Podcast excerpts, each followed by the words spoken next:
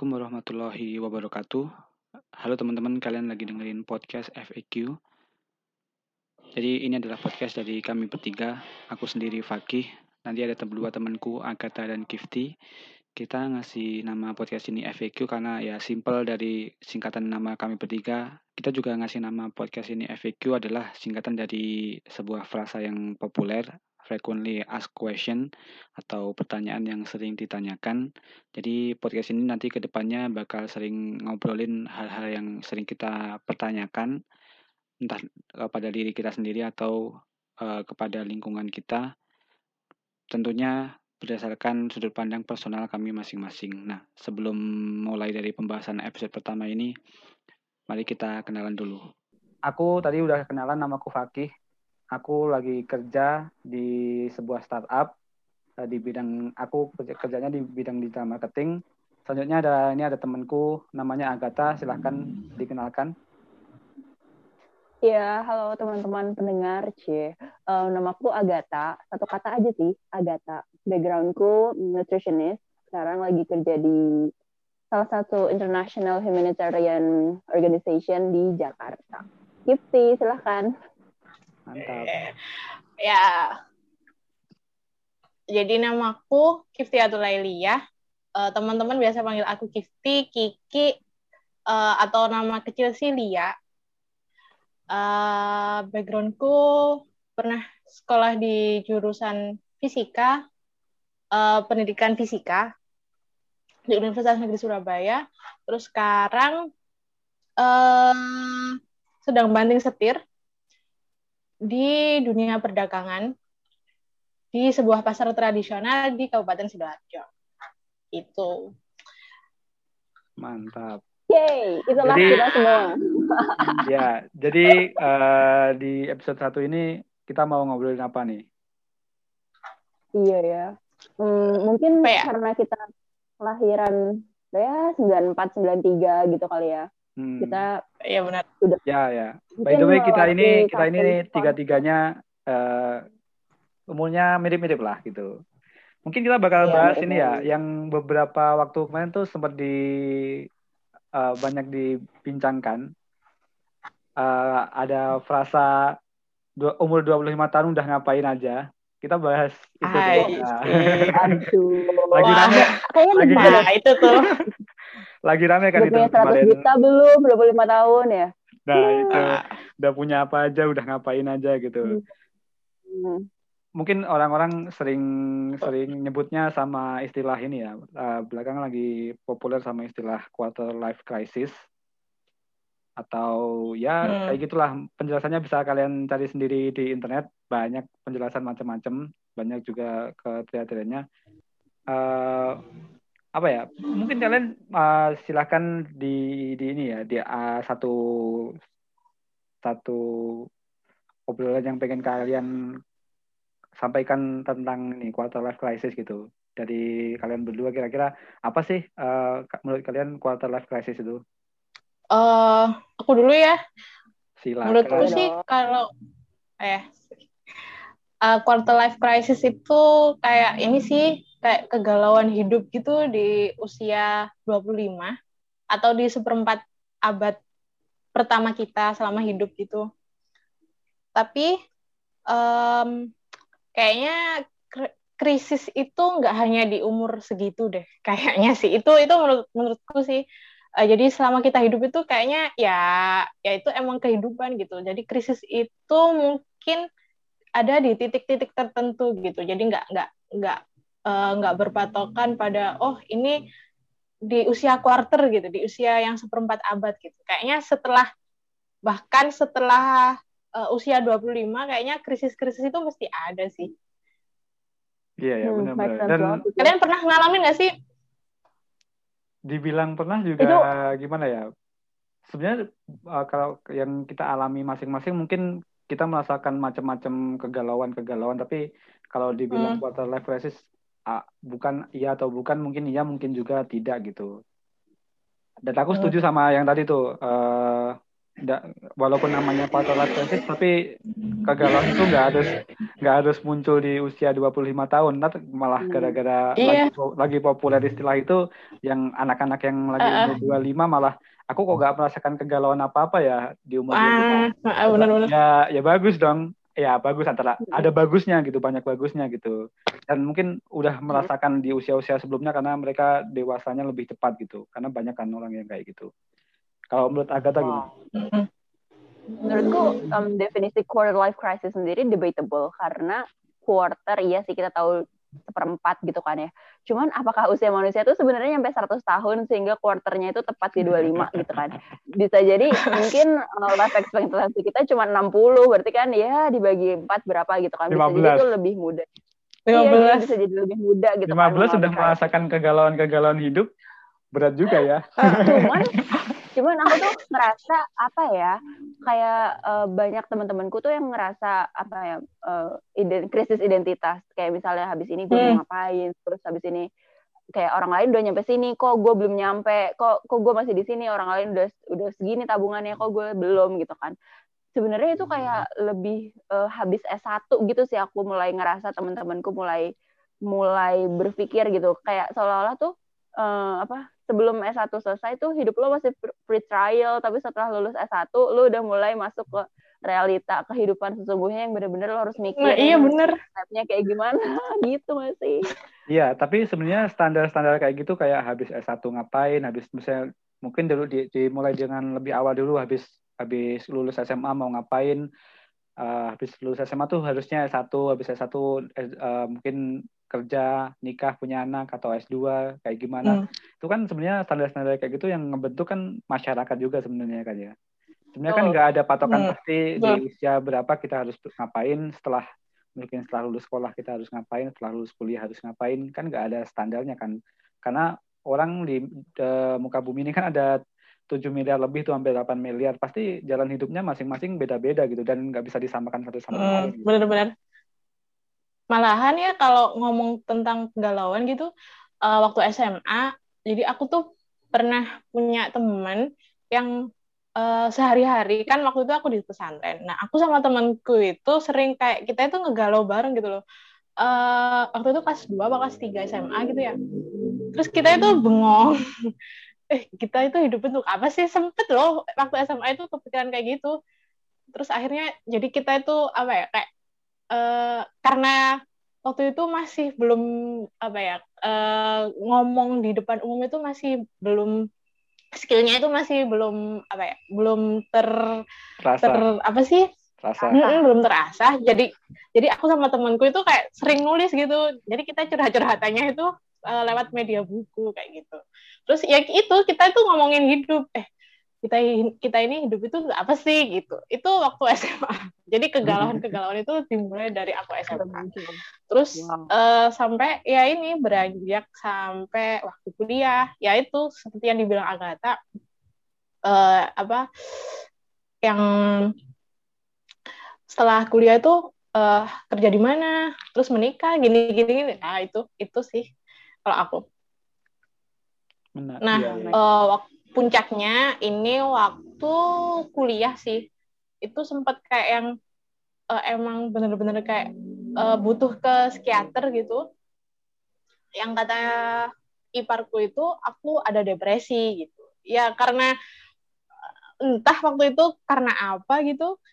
Aku ditanya tapi aku nggak berani jawab. Itu berlangsung sampai dua hari apa tiga hari? Dua hari kalau nggak salah jadi aku, aku ditanya tapi aku tuh nggak berani jawab mungkin karena eh, aku tuh nggak berani ngomong gitu entah itu, itu termasuk quarter life crisis nggak sih ya kayak gitu-gitu sih Ya kalau masalah mungkin mungkin kalau bilang depresi kan kita juga sebenarnya nggak bisa ini ya self diagnosis kan.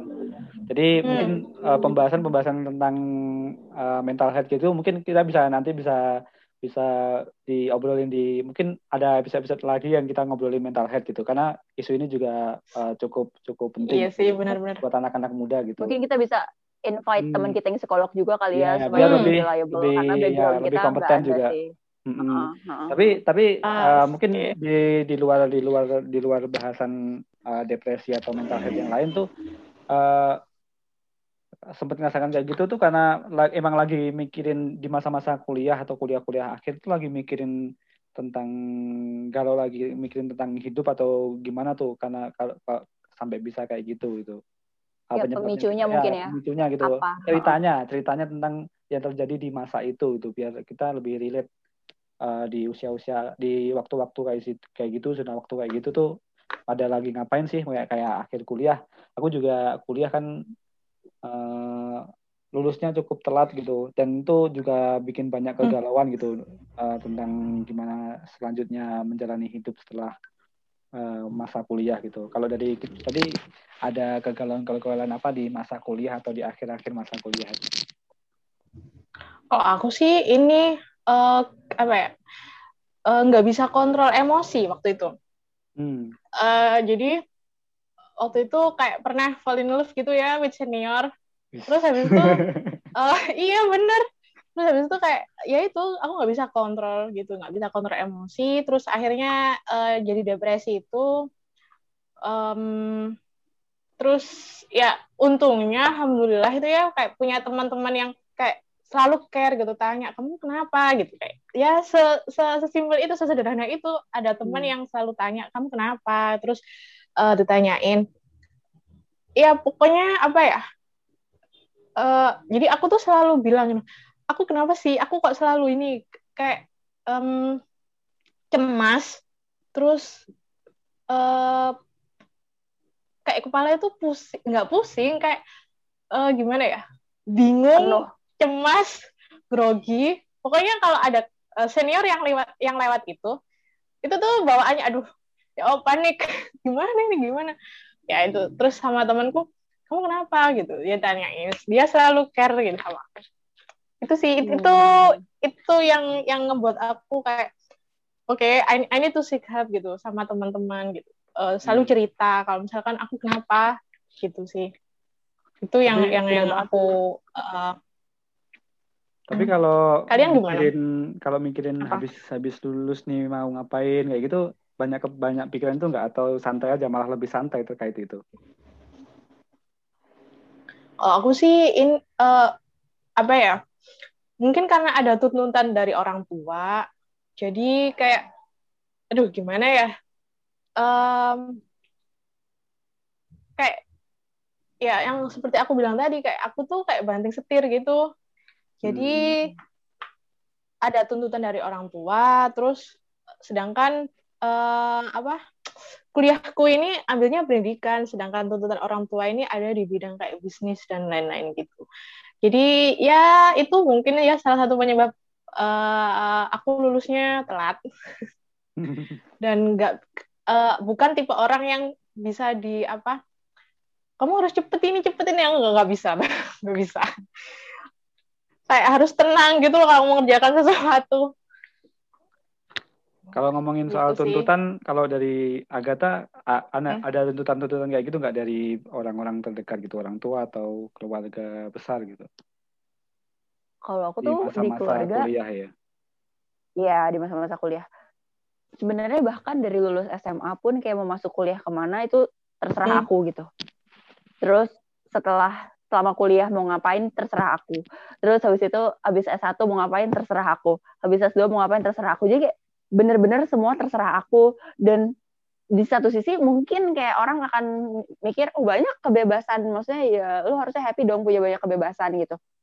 Tapi iya bener. yang aku rasain, yang aku rasain malah aku tuh sempat bingung. Kayak misalnya kayak eh, bukankah harusnya orang tua itu kasih guidance ya? Kayak misalnya kalau kamu ngambil ini maka pro-nya ini kontranya kayak gini. Kayak maksudnya aku tuh hmm, hmm. ekspektasiku ada kayak gitu. Tapi ternyata di keluarga aku tuh bener-bener aku dan adik aku tuh kayak ya udah terserah mau kayak gimana gitu. Pokoknya kayak semuanya baik kok kayak pilihan apa yang kamu ambil pasti kita support gitu intinya kayak gitu kan. Tapi kita sebagai anak aku sih aku sebagai anak kayak ngerasa Iya oke kayak bebas mau ngapain aja nih pilihan bisa A bisa B bisa C bisa D bisa E. Dan kita tahu kayak mau pilih yang mana semuanya baik. Jadi kayak bingung pilih yang mana gitu. Saking kayak nggak terlalu ada tuntutannya gitu loh sama orang tua nggak dikasih tuntutan nggak dikasih menurutku guidance yang aku terima itu tuh memang masih kurang gitu. Jadi memang harus diskusi sendiri harus cari eh, pengalaman dari kakak kelas kah atau senior dan sebagainya. Kayak bener-bener make sure kayak misalnya kalau aku pilih jalur itu maka kayak kemungkinan akan gimana gitu. Tapi bener-bener karena saking gak ada tuntutannya gitu sih Mas Waki dan Kifti kayak jadi aku Hmm. bingung gitu sempat bingung sempat mempertanyakan kayak ini tuh gue hidup buat apa? Kayak aduh abis ini mau ngapain? Terus kayak karena karena kayak semua pilihan kayaknya oke semua pilihan baik dan pasti punya konsekuensi jadi bener-bener terserah kita gitu jadi kayak aku ngerasa justru kebalikan dari Kifti karena saking Hmm. bebasnya jadi bingung gitu malahan pilihannya tuh bingung kita punya dua kasus ekstrim berbeda di sini Aku aku Oke. Aku juga Ah, kamu gimana Ki? aku juga sebenarnya nggak ini nggak banyak tuntutan gitu. Mungkin ada ini ya spoiler gitu kecil karena sebatas omongan dari orang tua gitu. Misalnya kalau kan eh, emang orang tua mungkin pengetahuan terkait eh, dunia luar mungkin juga terbatas. Kayak orang tua aku tinggalnya ya di kota asalku gitu. Nggak pernah ke mana-mana nggak pernah merantau nggak punya kenalan yang banyak gitu ya. Mungkin kayak misalnya eh, terkait apa yang harus kita lakukan setelah kuliah kayak setelah sekolah atau gitu terus sebenarnya ada ada ini punya mindset kalau misalnya eh, kayak jadi PNS lebih baik kayak jadi kerja di itu lebih baik gitu tapi di luar itu mereka sangat sangat ini sangat aware kalau eh, banyak banyak ini banyak opportunity lain gitu nggak harus itu tapi me- kalau Hmm. kalau ngobrol tuh pilihan yang mereka sampaikan tuh ada tertentu gitu tapi sebenarnya lebih bebas gitu. Jadi kayak ada spoiler dikit eh, bagus ba- eh, di- kayak ya misalnya kayak habis lulus kuliah ditawarin "Eh, ada temennya yang ini ada lowongan PNS di sini gitu. Tapi ketika aku nggak memilih itu dan aku tahu aku nggak suka di bidang kayak gitu tuh ya udah eh, bebas gitu. Tapi awalnya ada ini ada ada sedikit spoiler buat diarahkan ke mana gitu. Tapi sebenarnya di luar itu bebas gitu. Tapi kalau Agatha kan bebas banget tuh. Kalau aku ada Hmm. kalau Kifty uh, mungkin dituntut gitu. Karena punya orang tuanya punya legacy gitu ya. Punya warisan uh, bisnis tertentu yang harus diteruskan gitu. Kalau aku nggak ada kayak gitu dan nggak terlalu bebas juga awalnya gitu. Tapi akhirnya di sini juga akhirnya bebas juga gitu. Jadi kas kasusnya macam-macam sih. Kayak gitu Hmm. sih kalau aku. Jadi eh, kalau dari obrolan kita aja sebenarnya apa yang harus kita lakukan di masa-masa usia sekitar 20 20-an sampai 25 tahunan kita udah ngelihat sendiri eh, kalau kasusnya tuh memang unik sekali. Kita tiga orang aja unik tuh apalagi eh, orang di sana. Jadi kalau merasa ada kegalauan-kegalauan ya wajar. Tapi tapi emang hidup orang tuh beda-beda gitu. Misalnya kalian ngelihat ada orang yang umur 25 tahun udah punya rumah yang gede gitu ya ya itu timelinenya mereka kayak gitu. Kayak aku kemarin habis ngelihat Iya sih benar-benar. habis ngelihat satu konten kreator gitu ya dia bikin satu series di YouTube-nya dia gitu. Judul series series videonya tuh eh, 20 under 20 gitu. Jadi dia lagi ngumpulin 20 orang di bawah usia 20 tahun yang lagi yang keren-keren banget gitu. Emang pencapaian mereka di usia 20 di bawah 20 tahun tuh emang udah luar biasa kalau aku bandingin sama usia aku gitu. Tapi sebenarnya perjuangan mereka perjalanan mereka tuh juga dimulai dari lama banget gitu. Dan mungkin kalau kita merasa belum sampai mana-mana mungkin kita eh, perjuangannya baru mulai deket-deket ini gitu. Kita masih punya perjalanan yang panjang kayak gitu. Jadi santai aja sih sebenarnya. Kalau dari aku kayak gitu sih. Kalau Agatha? Kalau dari aku bingung-bingung galau-galau eh, what's next what's next way forwardnya apa setelah ini itu wajar banget. Dan kemungkinan besar itu nggak akan kalian temukan yang tadi benar kata Gifty bukan cuma di usia 20-an tapi kayak selama hidup pasti ada kebingungan pasti ada kegalauan dan semuanya tiap tiap apa ya tiap pilihan yang kita ambil pasti ada konsekuensinya. Jadi sebenarnya tugas kita di sini sebagai manusia udah berat juga ya. Tugas kita. Aduh. ya tinggal menjalankan peran kita sebaik-baiknya semaksimal-maksimalnya. Dan kayak tinggal apa lagi ya diskusi mungkin. Jangan jangan menutup diri. Maksudnya jangan jangan anggap kita tuh paling tahu segalanya gitu. Banyak Hmm. bisa kita diskusi sama orang tua Iya, bisa benar. kita diskusi sama teman bisa diskusi sama dosen atau rekan kerja. Jadi kan maksudnya setiap orang pasti punya pengalaman. Kayak kita bertiga doang aja wah ternyata pengalamannya sangat jauh-jauh berbeda gitu. Pasti pasti ada ilmu atau secercah apa kayak yang bisa kita ambil buat menentukan pilihan kita uh, selanjutnya di dalam hidup gitu. Jadi jangan panik jangan jangan merasa kayak insecure banget gitu. Karena semua orang melalui itu dan siap-siap aja kita harus diskusi sama banyak orang bahwa jangan merasa kita paling tahu deh gitu, gitu sih. Gitu gimana gitu bener uh, kalau aku sih ini lebih ke ini sih know your value gitu. Uh, know yourself. Biar kita tuh apa ya uh, semakin kita menggali ke diri kita sendiri itu kayak oh kita, tahu nih kita salah arah. Berarti kita harus ini apa uh, cari pertolongan gitu. Entah entah ke teman entah cerita ke keluarga atau ke siapa pun. Terus kan kayak uh, ini sih kayak pepatah itu ada sih pepatah uh, bahasa Arab gitu ya. Uh, kalau nggak salah bunyinya man arofa nafsahu arofa robbahu gitu. Barang siapa yang tahu dirinya sendiri dia akan tahu Tuhannya gitu. Jadi ya um, yang apa terus menggali ke diri kita sendiri gitu. Kita tuh maunya apa terus pengennya kayak apa. Uh, apa sih? Ya semacam apa sih value yang mau kita kejar itu kayak apa gitu. Itu sih Hmm, oke. Okay. Oh, ya, uh, kalau kalian mau musikin dari teman-teman yang lagi dengerin, kalau lagi galau di usia-usia, ya usia berapapun sebenarnya, kalau lagi menggalau tentang ini, mungkin lebih spesifik di usia-usia uh, sekitar kita ya, ya 20-an gitu, 25 gitu. Apa sih tips yang bisa kalian kasih buat mereka, biar mereka tuh ya galau nggak apa-apa, kalau nikmati aja, karena uh, galau itu proses dari perjalanan hidup kita juga kan. Tapi apa yang tips yang bisa kalian kasih buat teman-teman yang lagi dengerin biar kegalauan itu bisa bisa berkurang dan bisa ada solusi dari kegalauan itu. Nggak cuma galau-galau diem doang nggak ngapa-ngapain. Ya galau terus saja gitu. Apa yang bisa mereka lakukan biar nggak galau doang gitu. Dan ada uh, jalan keluar dari kegalauan mereka gitu. Dari Agatha pertanyaannya berat ya mantap. Um, apa ya selalu inget sama quote ini saya kayak these two shall pass. Jadi kayak ini tuh cuman sementara fase galau fase pusing fase semuanya yang gak jelas insecure dan sebagainya itu tuh cuman sementara. Inget lagi uh, cari bigger picture-nya.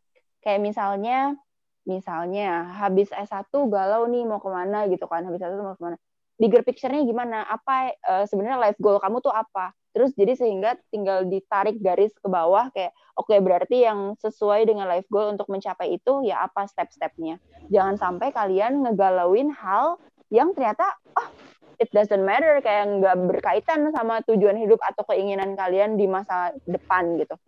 Jadi pastikan kalau misalnya kalian mau galau, mau bingung, pastikan hal-hal yang kalian galauin dan bingung itu beneran penting dan berkaitan dengan uh, tujuan atau keinginan kalian di masa depan.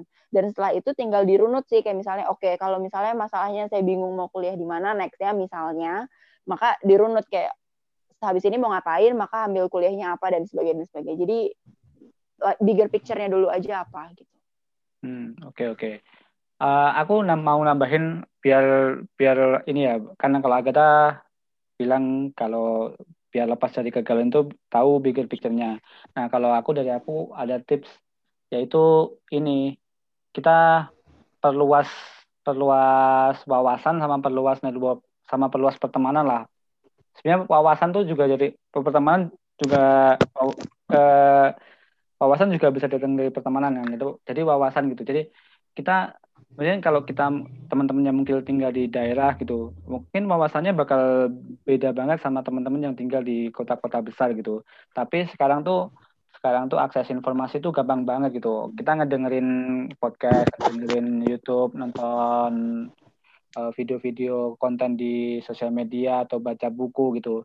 Nah, itu tuh itu tuh ngebuka wawasan kita bahwa uh, jalan hidup orang tuh masing-masing dan kita tuh punya banyak punya banyak pilihan uh, untuk hidup kita selanjutnya gitu. Jadi kita ketika kita ketika kita disuguhi misalnya dari dari orang-orang terdekat kita misalnya orang tua disuguhi pilihan yang sangat terbatas ketika kita punya wawasan atau pertemanan yang lebar uh, kita bisa mengajukan pilihan lain dan dengan dengan tips dari Agatha tahu bigger picture-nya kita tahu kita punya wawasan bahwa ada pilihan lain dan kita mendalami pilihan tersebut dan kita akhirnya tahu picture dari pilihan yang kita ambil kita bakal bisa lepas dari ini kegalauan yang kita punya sih jadi uh, kalau kalau kita nggak punya wawasan lebih kan kita nggak nggak tahu tuh ada pilihan lain yang bisa kita ambil ketika kita galau gitu hmm. nah kalau ada wawasan hmm, kan bisa bisa ambil pilihan lain, punya banyak opsi lah buat perjalanan hidup hmm. kita uh, ke depan gitu. Kalau dari Kifty? Apa ya? Ya ini sih uh, always seeking help gitu. Uh, either baca buku, terus cerita-cerita uh, ke teman. Tapi ini teman yang beneran teman ya, bukan yang sekedar teman gitu. Soalnya kan kadang hmm. ada tuh uh, sok-sok kenal, sok-sok akrab, padahal ya nggak juga. ya biasa gitu. Jadi uh, mendingan cerita ke teman yang benar-benar teman, terus um, mungkin cerita ke orang tua, tapi uh, kadang ada yang ini sih ngerasa kalau ke orang tua ini terlalu terlalu boomers gitu ya. Ya berarti jangan ke orang tua dulu, mungkin cerita ke teman dulu atau cerita ke apa tantenya atau om gitu sih. Terus apa lagi ya? Hmm, itu sih always seeking help atau ke profesional pun juga bisa. Uh, yaitu baca buku, ya itu. Itu itu yang sangat-sangat uh, berpengaruh ke aku waktu waktu kemarin uh, depresi itu. Ya jadi intinya jangan mendem gitu ya Kip ya. Karena mm -hmm. kalau misalnya ada kebingungan sampai depresi gitu bahkan jangan dipendam uh. ya itu nggak akan bisa selesai kalau cuma dipendam jadi emang harus seeking yeah, help, reaching out ke siapa yang capable untuk help kita kan. Mm -hmm. Mungkin gitu iya oke okay. Ya, uh, tadi kan kita dari tadi ngebahas ini ya quarter life crisis harus gimana gimana gimana. Kita nggak kita hari ini nggak ngecoba membahas umur 25 harus punya apa, harus punya apa karena itu ini emang nggak ada patokannya gitu.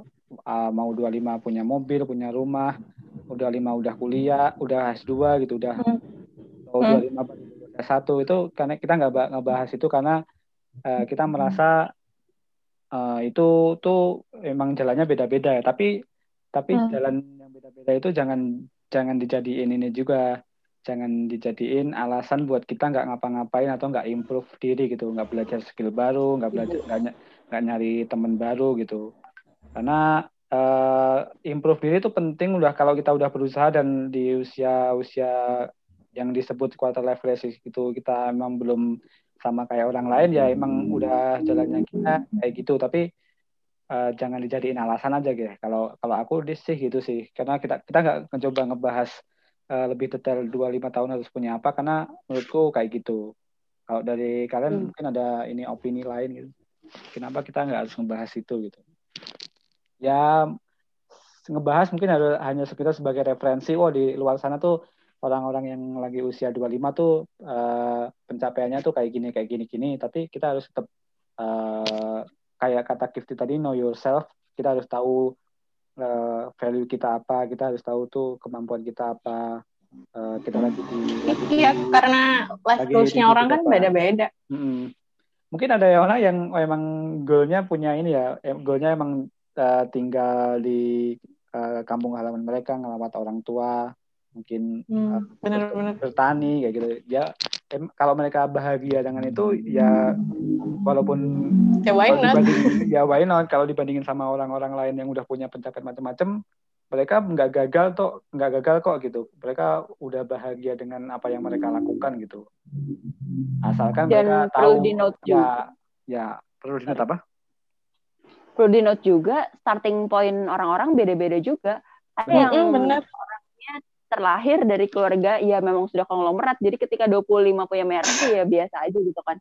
Kalau iya benar. buat orang Iya non sultannya seperti kita begini ya usia 25 ya pasti beda-beda lah. Karena kan starting point kita nggak nggak bisa disamakan oh, gitu. benar. jadi wajar wajar kalau misalnya banyak orang yang kayak, wih udah udah punya ini ini ya mungkin starting pointnya beda sama kita. Cuman betul sih kata Mas Fakir tadi, jangan jadikan itu excuse. Jadi ya tetap do our best in within our capacity ya. Maksudnya hmm. gak usah juga gak usah juga uh, melakukan berbagai cara bahkan sampai yang haram gitu misalnya untuk mencapai goal gitu. Kan serem juga ya, serem juga ya. Jadi ya yeah, hal aja yang within our capacity aja gitu. Menurut mungkin ada tambahan nggak? Eh, nggak uh, ada sih. Itu sudah cukup mewakili sih. Kalian berdua tadi sudah cukup mewakili. Dan uh, seperti yang aku bilang tadi kalau kita punya wawasan terkait uh, dunia luar seperti apa tuh kita jadi tahu. Kalau misalnya orang-orang yang udah pencapaiannya luar biasa di umur 25 atau di bawah itu banyak tuh yang mereka korbankan gitu. Aku juga hmm. akhirnya akhirnya kayak gitu gitu uh, aku belum mengorbankan waktuku lebih banyak daripada mereka atau belum uh, upgrade skillku lebih banyak daripada mereka. Karena kalau uh, ngedengar-dengar kisah orang atau baca kisah orang tuh emang pengorbanannya tuh luar biasa gitu. Kayak tidurnya berkurang atau dia kehilangan waktu bermain sama teman nongkrong sama teman-temannya atau kehilangan hal lain gitu.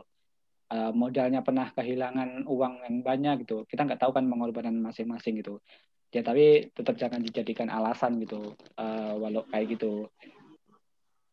Berusaha aja semaksimal yang kita bisa. Kalau hasilnya mentok ya ya ini naikin usahanya gitu. Betul betul betul betul. Ya benar sih benar.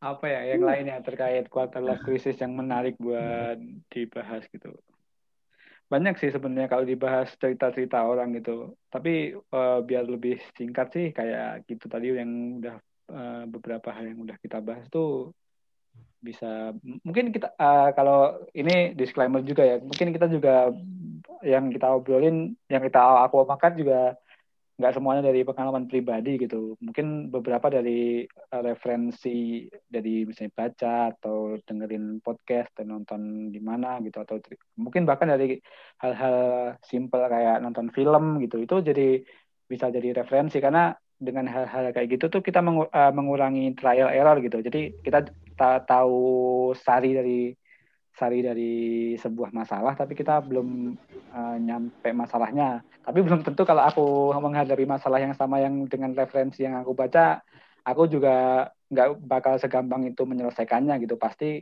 uh, butuh energi atau usaha yang gede juga gitu. Itu disclaimernya hmm. kayak gitu sih disclaimernya. Jadi jangan dianggap kita uh, tahu banyak hal gitu atau pengalaman kita segudang gitu. Ya uh, pengalaman kita ya ada tapi ya bukan bukan jadiin patokan gitu. Kita kita cuma sharing gitu yang kita baca yang kita alami yang kita dengar yang kita cerita sama orang lain gitu. Kayak gitu ya biar itu uh, uh, selaras sama yang dikatakan Agatha sebelumnya tuh jangan sok tahu gitu. Kita kita nggak pengen sok tahu kita pengen cuma pengen sharing yang uh, kita serap sih kita serap dari lingkungan sekitar kita. Gitu ya yang lain tuh tadi udah berapa menit menurut kalian sendiri eh, aku mau nanya deh menurut kalian sendiri nah. apa sih uh, yang hal apa sih yang paling challenging buat kalian maksudnya selama 20 tahunan kita hidup ini menurut kalian apa yang paling challenging dan bagaimana sih kalian overcome mengatasinya gitu? Aku dulu ya. Uh, yang paling challenging sih yeah ini sih dealing sama diri sendiri sih. Dealing sama sendiri terkait kebiasaan-kebiasaan yang aku miliki gitu kebiasaan buruk gitu misalnya kayak menunda-nunda gitu. Itu tuh sampai sekarang tuh juga masih jadi uh, challenge yang pengen banget diselesaikan gitu. Mungkin ada beberapa lain tapi uh, sebenarnya uh, garis besarnya adalah uh, dealing sama diri sendiri gitu. Ketika kita nggak uh, bisa ngap ngapain gitu. Misal kita ada ya kekurangan kekurangannya misalnya aku suka menunda-nunda gitu itu juga uh, jadi challenge banget gitu dari dulu gitu. Ya mungkin udah berkurang tapi jadi challenge dulu. Tapi dari misalnya ya tadi uh, sama diri sendiri sih. Kayak improve diri sendiri gitu biar nggak gitu-gitu aja gitu tapi kalau sebenarnya kalau aku aku sendiri masalah sama orang apa kata orang atau ngelihat orang pencapaiannya macam-macam sih udah nggak ini udah udah lebih bodoh amat gitu tapi hmm. ya, lebih bodoh amat tapi lebih lebih galau banget tuh ketika aku nggak bisa menaklukkan kekurangan kekuranganku sih ya. Kayak gitu kalau aku. Lebih look inward. Wow hmm. keren keren keren. Oh Kiti menurutmu apa Gif? Hmm, apa ya um, apa tadi pertanyaannya tak selama umurmu yang selama hidupmu kan kita uh. kayak 20 tahunan gini yang paling challenging tuh apa menurutmu dan gimana kamu mengatasinya? Yang paling challenging uh, ini sih masih seputar ini uh, kontrol emosi sama cara berkomunikasiku yang kurang. Uh, cara berkomunikasi dengan orang tua sih lebih tepatnya. Itu itu yang itu yang menurutku challenging Terus cara mengatasinya gimana? Hmm, kalau komunikasi sama orang tua itu emang uh, kalau kata psikologku yang kemarin itu uh, bilang emang disuruh latihan gitu. Terus um, apa sih namanya istilahnya tuh uh, aser asertif. Uh, asertif. Uh, iya, uh, disu uh, diminta untuk latihan komunikasi yang asertif kayak gitu. Hmm, jadi Tapi kalau... ternyata kayak belum ini belum kecapai gitu sama orang tua itu. Iya, hmm. aku sih mikirnya apa karena orang tua ini terlalu boomers ya, apa gimana? Gitu sih. Yeah. It, itu berarti masih uh, working in progress ya? masih, ya. Mm -mm, masih masih yang kayak latihan gimana cara komunikasi yang asertif itu sama orang tua. Itu itu yang yang yang masih terus kuasah. Kalau agak Tujuh banget sih komunikasi Ntar dulu aku mau komen dulu komunikasi okay. asertif tuh bukan cuma, bukan cuma penting buat ke orang tua sih Gif, tapi kayak ke iya. semuanya. Iya. Apalagi kalau kita bekerja dengan atasan yang banyak mau ya. yang demanding ya. nih. Itu uh kita harus uh. so assertive, kita harus assertive gitu loh kayak hmm. jangan takut untuk bilang enggak, jangan takut mengungkapkan pendapat, terus kayak kalau misalnya eh tapi di sisi lain komunikasi kan both ways ya, dua arah ya. Nggak uh, maksudnya masa kita doang yang bikin effort kalau kita doang yang bikin effort ya pasti kurang kurang berefek lah. Maksudnya harus dua arah gitu. Kalau misalnya cuma satu arah ya yang ada mungkin kitanya sendiri capek gitu. Iya. Iya benar asertif tuh juga penting banget kalau nanti udah pada punya pasangan sih Oh, oh ya, oke. Okay. Okay. Uh, for your information, teman-teman di sini yang baru menikah satu orang itu Mas Fakih, kita berdua sih. Hmm, Um, gitu. menarik kalau aku sendiri menurutku yang ya, paling challenging gimana? itu sih ya itulah karena aku terlahir dari keluarga yang sangat permisif kayaknya ya sangat membolehkan apa pun jadi tuh aku jujur di awal-awal tuh kesulitan untuk bikin keputusan hidup kayak what's next sampai aku tuh pernah curhat pas lagi S2 kan aku uh, kemarin alhamdulillah sempat S2 terus bingung gitu kan mau ngapain. Apakah mau langsung lanjut S3, apakah mau kerja, apakah mau nikah, apakah mau ngapain gitu kan. Sampai aku tuh sempat curhat gitu sama temanku satu yang aku anggap senior, senior dan aku anggap dewasa gitu. Kayak tapi kan Kak kayak semua semuanya tuh pasti baik-baik aja kayak keputusan yang aku ambil tuh pasti pasti baik-baik aja. Maksudnya aku akan tetap hidup gitu loh mau ngambil keputusan apa tuh kayak aku kan baik-baik aja gitu walaupun ya ada hmm. konsekuensinya cuman satu poin yang aku dapetin adalah dan juga diskus sama adek adek aku beda satu tahun doang sama aku tapi dia dewasa terus terus uh, poin yang aku dapatkan adalah emang betul semua semua apa semua choice itu mungkin baik-baik aja buat kamu tapi cari yang dampak uh, negatif ke kami itu paling negatif paling paling sedikit paling Rendah. kecil. Walaupun iya betul. Walaupun kita tahu semuanya punya konsekuensi semuanya punya positif punya negatif tapi cari yang kontranya tuh yang apa ya minim yang sebisa mungkin kita minimalisir efeknya gitu. Jadi kalau bisa diambil keputusan dari awal yang udah pasti kayak oh kayaknya ini akan baik-baik saja ya udah ambil aja itu. Maksudnya jangan sampai kita tuh mikir semua pilihan bagus jadi terserah kita mau pilih yang mana. Iya benar tapi pilihlah yang konsnya paling sedikit atau uh, carilah yang kira-kira merugikan kita itu paling sedikit yang kita tuh akan lebih enjoy yang akan membawa kita ke life goals kita gitu sih intinya. Dan agak sulit kalau misalnya kita belum punya life goals di awal kayak value yang kita mau tuh yang tadi kata Kifti kayak kita harus define value kita. Emang iya itu penting banget. Kalau enggak tuh ya kayak terbawa arus aja gitu hidup mau ke comberan yeah. oke okay, ke laut oke okay, ke got boleh kayak ya bingung gitu intinya tuh serba bingung kalau lo nggak punya set standar atau value yang mau tuh apa gitu tapi kenapa ngambil yang ini aku juga sebenarnya tahu tapi uh, aku pengen tanyakan aja. Kenapa ngambil yang uh, cons-nya paling dikit daripada ngambil yang uh, benefitnya paling gede? Gimana tuh memutuskan itu? Ketika ada du misalnya dua pilihan nih benefitnya gede banget nih. Uh, uh, yang satu benefitnya juga gede gitu. Nah, kenapa pilih yang lebih cons-nya lebih sedikit daripada yang benefitnya lebih gede? Hmm. Biasanya kalau misalnya biasanya kalau aku lagi galau biasanya kan aku tulis ya kayak misalnya A A. Uh, opsi A apa? Terus bikin tabel kan pro sama con. Terus uh, pro-nya misalnya satu apa value-nya apa yang kita dapetin terus uh, oh kayaknya ini challenging aku taruh di cons kan kayaknya ini challengingnya ini ini akan terjadi ini ini ini gitu. Terus kenapa pilih yang pro-nya lebih banyak? Jelas karena dengan asumsi setelah menimbang-nimbang pro dan cons itu mungkin kita akan merasa lebih enjoy ketika pro-nya lebih banyak dibandingkan cons-nya.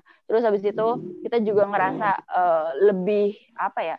lebih empowered, lebih valuable kalau misalnya kita memilih sesuatu yang kita anggap bisa bikin kita happy gitu kan dibandingkan lebih banyak challenge-nya. Walaupun mungkin kadang hidup butuh challenge dan sebagainya, cuman dalam hal mengambil keputusan tentu saja kita pilih yang menurut kita ya akan bikin kita jauh lebih happy. Jadi indikatorku ya happiness sih mas. Mungkin iya, iya sih. yang lain gimana? Ya, tapi cara, cara yang dilakukan Agatha tadi menarik sih, mapping ya sebenarnya ya. Temanku bahkan ada yang lebih lebih ekstrim lagi tuh setiap setiap apa pilihan yang dia miliki tuh di dikasih scoring itu. Scoringnya tuh pakai kuantitatif. Jadi uh, ini apa ada ada challenge-nya apa dikasih nilai min satu ada uh, benefitnya apa dikasih nilai antara 1 sampai 5 gitu. Nah, biasanya dia punya 5 5 5 keputusan yang pengen diambil tuh dia malah uh, sampai di scoring kayak gitu. Nanti yang skornya paling gede di diambil keputusannya gitu. Tapi akhirnya juga kadang juga dia uh, ini ngambilnya berdasarkan intuisi feeling. juga karena ya feeling oh, juga karena walau kita kan nggak nggak nggak ini ya eh, nggak uh, cuma log, log, logikanya doang tapi kan kalau merasa nggak nggak cocok kan juga akhirnya di jalannya juga berat. Nah aku juga yang salah satu challenge juga tuh kayak gitu tuh mapping mapping apa mapping keputusan kayak gitu mapping hal-hal yang lagi diambil keputusan itu juga menurutku uh, pengen belajar lebih dalam lagi buat uh, melakukan kayak gitu tuh. Karena itu bermanfaat banget buat ngambil keputusan yang lebih logis gitu menarik sih menarik. jadi lebih lebih tahu mana yang harus diprioritaskan gitu ya mm, mm, ada skala prioritas betul, betul. dan dan kalau kita ngambil keputusan berdasarkan itu jadi lebih pede aja sih karena ya berdasarkan hmm. pertimbangan saya yang kurang lebih ya kuantitatif ini lah ya kayak kita udah nimbang-nimbang gitu jadi saya ngambil yang ini gitu tapi yeah. setuju sih mas nggak semua hal bisa kita kuantifikasikan sih mm-hmm. pasti ada aspek kualitatifnya ada aspek misalnya ngambil kerjaan di luar kota, terus kontranya eh pro-nya gaji gede, terus tapi kontranya jauh sama orang tua. Nah, itu kan kayak gak bisa gitu apple apple gitu sih. Emang balik lagi ke kita. Kayaknya udah cukup banyak tuh yang kita bahas terkait uh, quarter life crisis uh, di usia-usia 20-an atau usia berapapun kayak yang Kipti bilang karena di semua usia tuh punya kegalauan masing-masing gitu. Nah, kayaknya kita episode satu ini kita bakal akhiri di sini tapi sebelum kita akhiri uh, pengen pengen menyimpulkan beberapa hal sih. Jadi dari beberapa obrolan teman-teman tadi uh, beberapa hal yang penting diketahui dicari tahu dicari tahu ketika menghadapi quarter life crisis tuh yang satu tuh uh, know yourself atau ketahui diri sendiri gitu. Apa sih kemampuan kita kekurangan kita value kita apa kita bisa apa aja gitu Terus setelah itu kita harus memperluas wawasan kita, wawasan dan pertemanan kalau dari aku. Karena ketika kita punya wawasan yang lebih luas atau per, per, punya pertemanan yang lebih luas, kita jadi tahu bahwa di dunia ini tuh di usia-usia tertentu tuh opsinya tuh banyak banget gitu. Nggak cuma yang lagi kita hadapi gitu. Nggak cuma yang disodorkan sama orang-orang terdekat kita atau yang disodorkan sama lingkungan kita. Jadi kita jadinya punya banyak pilihan dan nggak galau karena ketika nggak nggak galaunya bisa berkurang karena ternyata banyak pilihan dan pilihannya tuh macam-macam gitu. Nah, setelahnya kita harus tahu big picture dari ketika kita ambil pilihan, kita bisa ngambil big picture dari pilihan-pilihan yang kita ambil. Sebenarnya pilihan tuh uh, dan di mapping kayak yang kata Agatha tadi, hmm, jadi kita nanti bisa mengambil keputusan-keputusan buat keluar dari kegalauan tuh bisa lebih lebih tepat gitu. Ya, uh, kita udah di ujung dari podcast uh, eh, FAQ Eh, episode satu ini. Uh, terima kasih buat teman-teman yang udah dengerin sampai menit ke ini, menit ke terakhir ini. Semoga ada hal-hal yang bisa diambil manfaatnya. Kalau ada yang kurang sesuai silahkan dibuang. Kalau ada yang uh, bagus silahkan diambil. Kita juga sangat terbuka buat menerima masukan, kritik, saran karena kita yakin uh, episode satu ini yang dengerin pasti orang-orang terdekat kita juga. Jadi silahkan sampaikan saran ke akun-akun sosial media kita masing-masing yang kalian lihat ketika kalian mau dengerin podcast ini. Jadi dari kita uh, dari Fakih, Agatha dan Kifti dari podcast FAQ ini untuk diri. Assalamualaikum warahmatullahi wabarakatuh.